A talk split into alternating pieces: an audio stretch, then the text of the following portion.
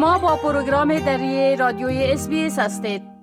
حال با جاوید روستاپور خبرنگار برنامه دری برای جنوب آسیا. از طریق تلفن به تماس هستیم که اونا درباره تازه ترین رویدادها در ارتباط به افغانستان معلومات میتن آقای روستاپور سلام عرض می‌کنم. خب اولتر از همه ادعا شده که دیشب در یک برخورد در کابل پنج طالب کشته شده. بله؟ با سلام وقت شما بخیر آقای شکیب. بله همون گونه که شما اشاره کردین جبهه آزادی افغانستان ادعا کرده که عمله جمعه شب به یک پاسگاه یا حوزه طالبا در کابل اینا انجام دادن. و این در حالی است که تعدادی از پایتخت نشینان هم گفتن که تایید کردن که ساعت هشت شب گذشته صدای انفجار و تیراندازی در ساعه پلیس کابل از مربوطات حوزه امنیتی سیوم شنیده شده و این صداها ساعتها ادامه داشته. جبهه آزادی در یک اعلامیه گفته که در این حمله پنج طالب به شمول یک قماندان گروه کشته شده و دو تن دیگه هم زخمی شده.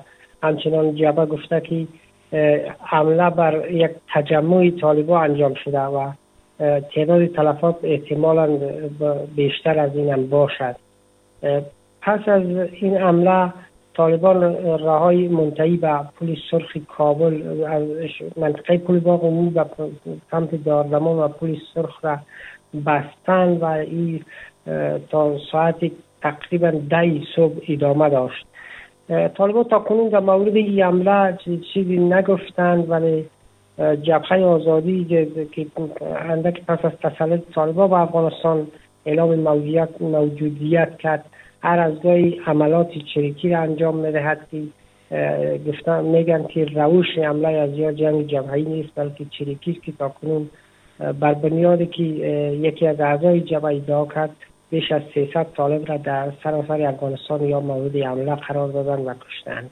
بله. خب گفتم میشه که در آستان دو سالگی حاکمیت با در افغانستان جامعه جهانی به معاملگری متهم شده به خصوص از طرف دسته های زنان در افغانستان. بله؟ در دو سالگی طالبا جنبش زنان عدالت ها بازم در یک حرکت اعتراضی گفتند که طالبان در نتیجه یک معامله شوم و ننگین بر افغانستان تسلط پیدا کردند.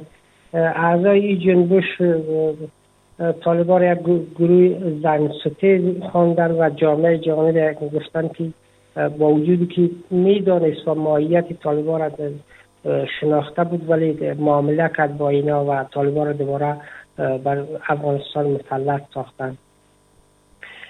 این جنبش که در یک مکان سربسته مثل گذشته اعتراض شده اینا انجام دادن.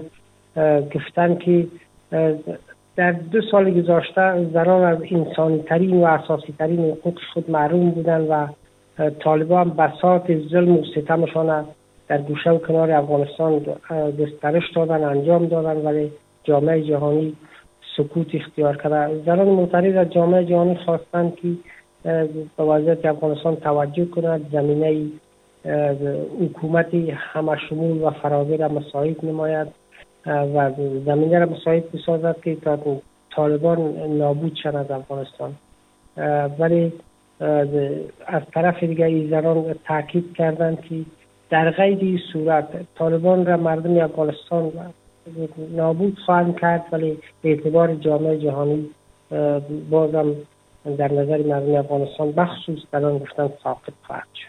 بله خب مدافعین رسانه ها در افغانستان گفتند که فشار بر کارمندان رسانه ها و خبرنگارا در حال افزایش است از جانب طالبا بله؟ بله شماری از نهادهای یامی رسانه و خبرنگاران گفتند که تنها در یک هفته آخر طالبان پنج خبرنگار را بازداشت کردند و سه رسانه را در ننگرها را در شرق افغانستان اینا فعالیتشان را متوقف کردند انجمن مستقل خبرنگاران افغانستان دفتری نی حمایت کننده رسانه های آزاد افغانستان و مرکز خبرنگاران افغانستان از این وضعیت ابراز نگرانی کردند. خبرنگارایی که بر بنیاد گزارش ها بازداشت شدند از تلویزیون آریانا بودند و همچنان مسئول رادیوی معلی کلید همچنان خبرنگار یکی دو یک رسانه برای سلام وطندار است.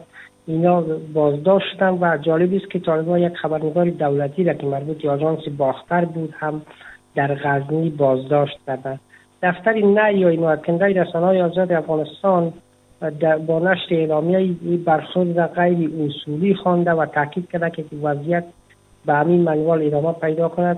آزادی بیان به صورت کلی سقوط خواهد کرد. از سوی هم گزارشگران بدون مرز که در در آستانه دو سالگی طالبان اینا یک گزارش را در رابطه با آزادی بیان نشر کردن و گفتن که رژیم طالبان بیش از دو, دو در رژیم طالبان بیش از دو سوم خبرنگاران که دوازده هزار نفر میشه افغانستان را ترک کردن و از این میان 80 درصدشان هم زنان خبرنگار هستند از سوی دیگر هم اینستیتوت صلح ایالات متحده آمریکا هم در یک گزارش تازهش گفته که پس از حاکمیت دوباره طالبان تا حد زیاد نیازهای دموکراتیک از جمله رسانه ها و آزادی بیان در افغانستان فعالیتشون متوقف شده و رسانه هم فعالیت دارند گفته یا به تریبون طالبان تبدیل شدند بله خب در برابر اظهارات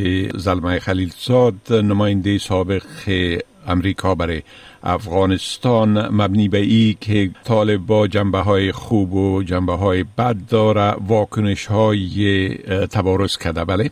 دقیقا دو موضوع بیشتر واکنش داشته یک بخشی از مصاحبه خلیلزاد که گفته هنوز زود است که درباره طالبان قضاوت کنیم. این بسیار واکنش ها مواجه شده. و موضوع دوم که گفته مقام های پیشین افغانستان باید برگردن به افغانستان و در کنار طالبان زندگی کنند. بسیاری ها واکنششان به این اظهارات خلیزادی بوده که طالبان و ده ها نفر را کشتن و عملا حقوق زنان را یا سلب کردن در بازار مکتب و پانتون را برای دختران بستند و آقای خلیلزاد با دیده درایی می‌گوید هنوز زود است که درباره طالبان قضاوت کنیم.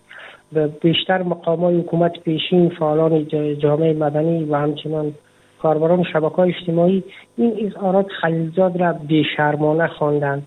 موضوع دوم که گفتن که وقتی که خلیلزاد میگه که نباید بترسن مقامات و به افغانستان برگردن خودشان به عنوان کسی که به نوعی افغان است آیا می‌تواند که زیر یوق طالبا به گفته ای که کاربران برد با خانوادهش زندگی کند در حالی که کسایی هم که رفتن گزارش شده که تعدادی از او به نوعی تعدید شدن و یا یکی دو نفر چندین نفر از این کسایی که دوباره رفتن به افغانستان اینا جان باختن و به نوعی کشته شدن. بله. خب بسیار تشکر آقای روستاپور از این معلوماتتان و فعلا شما را به خدا می سپارم و روز خوش برتان آرزو می کنم روز شما هم خوش خدا حافظ ناصرتان. می خواهید این گونه گزارش ها را بیشتر بشنوید؟ با این گزارشات از طریق Apple Podcast، Google Podcast، Spotify و یا هر جایی که پادکاستتان را می گیرید گوش دهید.